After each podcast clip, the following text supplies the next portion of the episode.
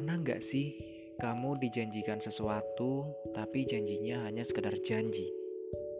Iya, janji yang tidak terlaksana. Padahal kamu sudah sangat berharap. Gimana rasanya? Dia bilang, besok kita makan bareng ya. Aku yang traktir deh. Eh, besok aku order jualan kamu ya. Pengen beli banyak nih. Atau pokoknya aku gak bisa hidup tanpa kamu.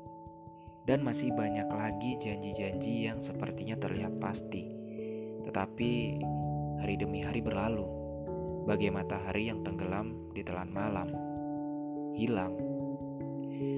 Kecewa, sedih, kesal, gimana rasanya? Itulah yang akan terjadi jika kita berharap pada manusia. Manusia hanya bisa berencana, manusia hanya bisa berjanji kepastian hanya milik Allah.